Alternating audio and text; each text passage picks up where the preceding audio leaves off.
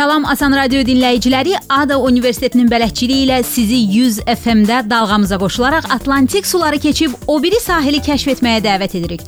Hello America proqramında hər cümə günü Amerika cəmiyyətinin siyasi və sosial fərqlilikləri, ənənələri, mədəniyyəti barədə danışırıq.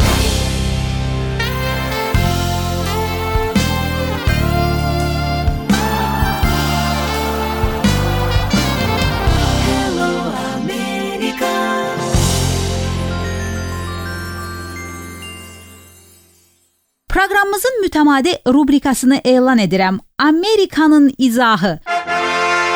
Burada Birləşmiş Ştatlar barədə həmişə bilmək istədiyiniz suallara cavab veririk. Maraqlı olduğunuz mövzuları Asan Radionun Facebook səhifəsinə göndərə bilərsiniz. İlk sualınız: Amerikalıların coğrafiya biliyi niyə belə zəifdir? Bütün dünya onları öyrənərkən onlar dünya ilə niyə maraqlanmır? Cavabını Ada Universitetinin rektoru Hafiz Paşayevdən dinləyin. Hafiz müəllim ilk dəfə Amerikaya hələ 1970-ci illərdə Sovet alimi kimi getmişdi. 90-cı illərdə isə ölkəmizin ABŞ-a ilk səfiri təyin olunmuşdu. Xatirələrini o ətraflı bir səfirin manifesti kitabında yazıb. Məlumdur ki, Amerika çox qapalı ölkədir. Ölkə idi heç olmasa. Amerika xalqı yəni başqa ölkələrdən o qədər də məlumatlı deyildilər. Yenə də şəxsi təcrübədən danışsam deyə bilərəm ki, hətta Sovet nədir? Moskva şəhəri hardadır? Leningrad şəhəri hardadır? Onu bilmirdilər.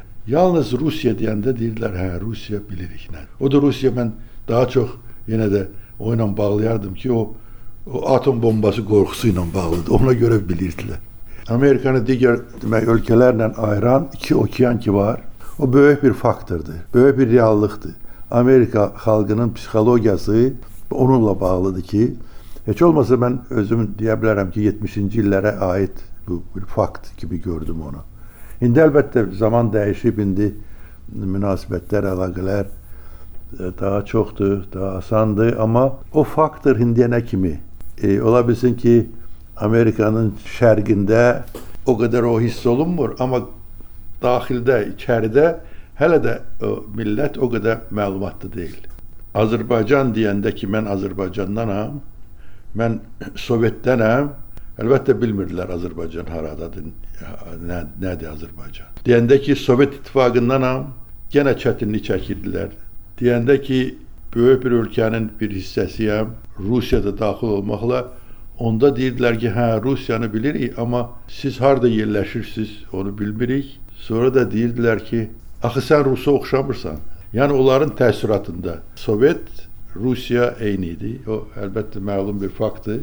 Ona görə indiki deyirsiniz ki, indiki zamana gələk bir müqayisə eləyək. Səfirlik açılanda ə, Vaşinqtonda yenə də çox böyük dəyişiklik görmürdüm. Məsələ bizi ə, Azərbaycan haqqında bilik və hətta harda olması haqqında məlumat yox idi və hətta biz səfirliyin iştirakı ilə küçədə sorğu eləmişdik yadımdadır ki, çıxaq küçəyə, soruşaq ki, neçə adam Azərbaycan adını eşidib bilir. Artıq 90-cı illərin ortası idi. Yenə də 10 adamdan bəlkə biri deyərdi ki, hə, bilirəm, eşitmişəm Azərbaycan. İndiki zamanada əlbəttə çox şey dəyişib, amma bəzən niyə Amerika digər ölkələrə münasibətdə biganədir? E, onu həmişə sorğu eləyirlər ki, niyə belədir, niyə onlar çox qapalı yaşayırlar. Onun da izahı odur mən dediyim kimi o illər boyu iki okean ayırır Amerikanı və onların özünün həyatı elə öz dünyasıdır. Hətta konqresin üzvlərinin 50 faizinin pasportu da yoxdur. Yəni xaricə də getməyiblər. Çoxu da heç maraqlı deyil. Amerika dünya ilə maraqlanmasa da olar. Çünki geridə qoyduğumuz əsrdə çox ölkələr ona bənzəməyə çalışırdı. Bəli, 20-ci əsr Amerikanlaşma əsri kimi yadda qaldı. 1890-cı illərdən başlayaraq yeni dünya mühacirlərə qoyun açdı. Onlar ucuz işçi qüvvəsi kimi biznes yönümlü Amerikada yararlı idilər. 20-ci əsrin əvvəllərində xüsusilə Avropadan Amerikaya mühacirlər çoxaldı. Onlar daha yaxşı həyat axtarışında, vəd edilən torpaq çoxluğu, iqtisadi azadlıqlar və iş yerlərinə görə qərbə üst tuturdular.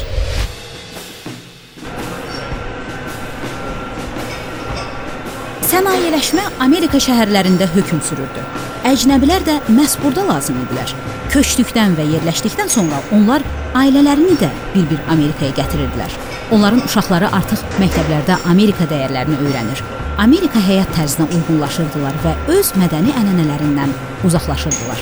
Bu ucuz əmək və iqtisadi imkanlar bahasına Amerika siyasi və iqtisadi nüfuz uğrunda biri-biri ilə mübarizə aparan Avropa ölkələrinə nisbətən daha sürətlə inkişaf etdi. Köhnə qitə 1-ci Dünya müharibəsi savaşırkən, yeni qitə müharibəyə rəsmən daxil olmadı. Tərəfləri yalnız ərzaq və silahla təmin edirdi. 1-ci Dünya müharibəsi bitdikdən sonra bir çox Avropa kapitalisti qitədə yeni geniş miqyaslı hərbdən ehtiyatlanaraq Avropadan Amerikaya köçdü.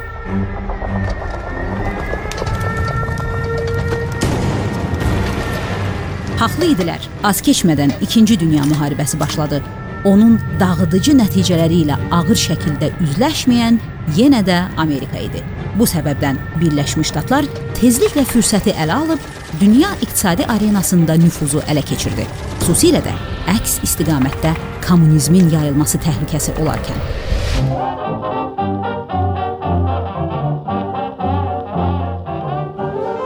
Amerika iqtisadiyyatının çiçəklənməsinin ən böyük səbəbi dünya sərmayəçilərinin onu sabit və iqtisadi azadlıqları toxunulmaz olan bir ölkə kimi görməsi idi.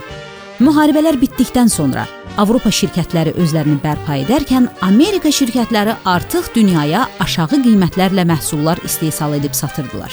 Dünyanın ən sabit və güclü iqtisadiyyatının pul vahidi də təbii ki, ən cəlbedici idi. Şirkətlər və banklar borcları dollar dəyərində alıb verirdilər. Start spreading the news. I'm leaving today. I want to be a part of it. New York, New York. Amerika dövləti Avropa və Yaponiyanı müharibədən sonra bərpa etmək üçün o zaman 18 milyard, bu günlə ölçsək 100 milyard dollar sərmayə qoymuşdular. Bununla da Amerika şirkətlərinin ayağı dünyanın hər yerinə açıldı. Avropa və Asiyanın şirkətləri idarə etmədə ora gələn Amerika modelini qəbul etdilər. İnkişaf etməkdə olan ölkələr isə Amerikada satmaq üçün məhsullar istehsal etməyə başladılar.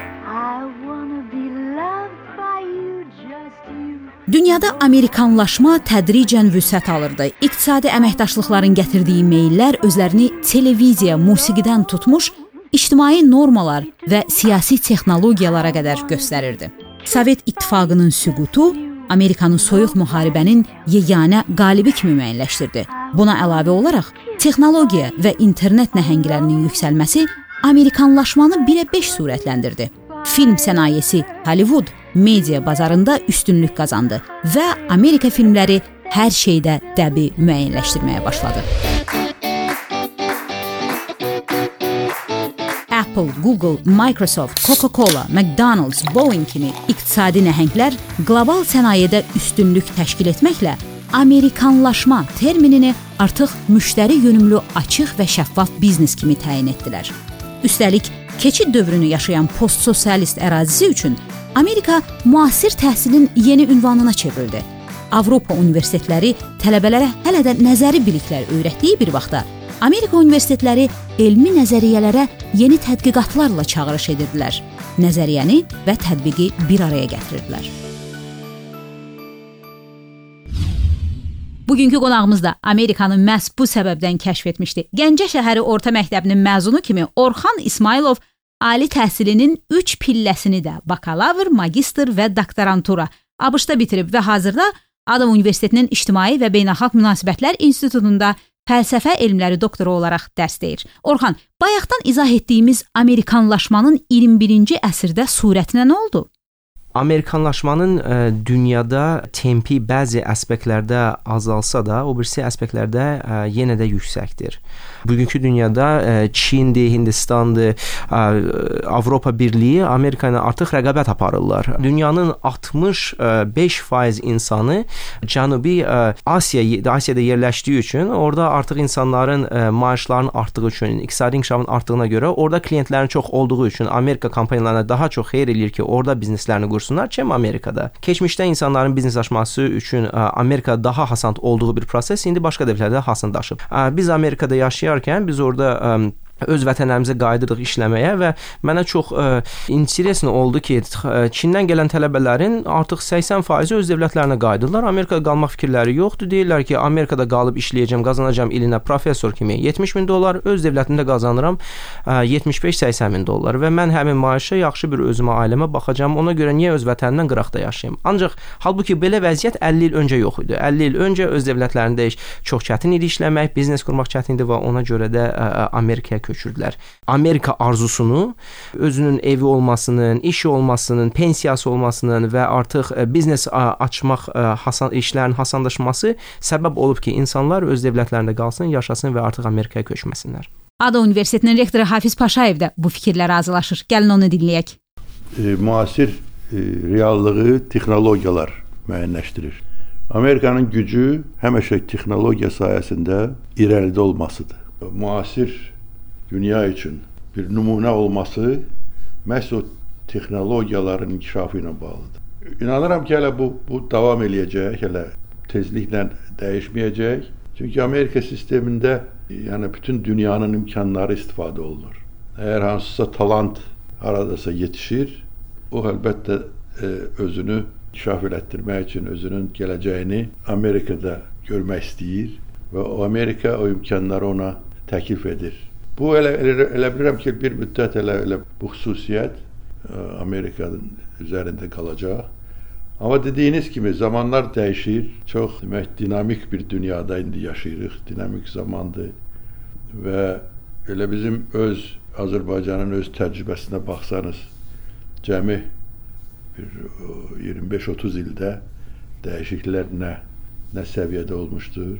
Deyərdim ki, Çinin müəyyən mənada inkişaf modeli məhz o texnologiyalarla bağlanması da elə Amerikanın təsiridir. Çinin e, mütəxəssisləri, alimləri və onu elə mən o zaman hələ 70-ci illərdə görürdüm ki, universitetlərdə fizika, riyaziyyat və dəqiq elmlər sayəsində nə qədər Çin tələbələri var. Yəni Asiyadan gəlmiş tələbələr. İndi daha çoxdur. İndi Amerikalılar o sənədlərə e, getməyə o qədər həvəsli deyillər. E, Asiyadan gələnlər. Mən elə bilirəm ki, dediyiniz kimi gələcəkdə bu faktor Asiyanın daha önə, daha qabağa getməsi üçün bir böyük bir faktor olacaq. Hello America komandası Birləşmiş Ştatlarda Amerika Dövlət Departamentinin beynəlxalq ziyarətçi liderlik proqramı çərçivəsində yerli radio stansiyaları, yayım üzrə təsisatlar və kommunikasiya fənnini tədris edən universitetlərlə tanış olurlar. Növbəti həftədən etibarən onların Amerika təəssüratlarını eşidəcəksiniz. Amerikadan hamınızı dostlar bir daha salamlayıram.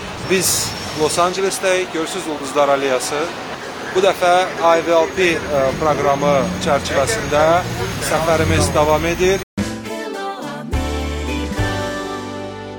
Hello America proqramında hər həftə Amerikan ingiliscəsində yeni ifadələr öyrənirik. Rubrikamızın məsləhətçiləri ingiliscə ali təhsil verən Ada Universitetinin akademik məqsədlər üçün ingilis dili proqramının müəllimləridir. Bu gün Amerikanlaşmadan danışdıq. Nəyinsə xalis Amerikan olduğunu bildirən ifadə ilə tanış etmək istəyirik sizi. Hazırsınız? As American as apple pie hərfi mənada tərcüməsi alma piroqu qədər Amerikan sayağı deməkdir. As American as apple pie. İfadənin yaranması da mühacir mədəniyyətinə bağlıdır. Amerikaya köçən mühacirlərin ilk nəsli ölkədə çox sayda alma ağacları əkirdilər. Şəkər istifadəsi dəbə düşəndən sonra bu almadan piroqlar hazırlamağa başladılar. Və zaman ötdükcə alma piroqu Amerikanın milli deserti kimi tanınmağa başladı. As American as apple pie. Alma piroqu qədər Amerikan sayağı ifadəsi də buradan yarandı. Bu günə bu qədər. Gələn həftə 100 FM dalğasında görüşənədək. Hello,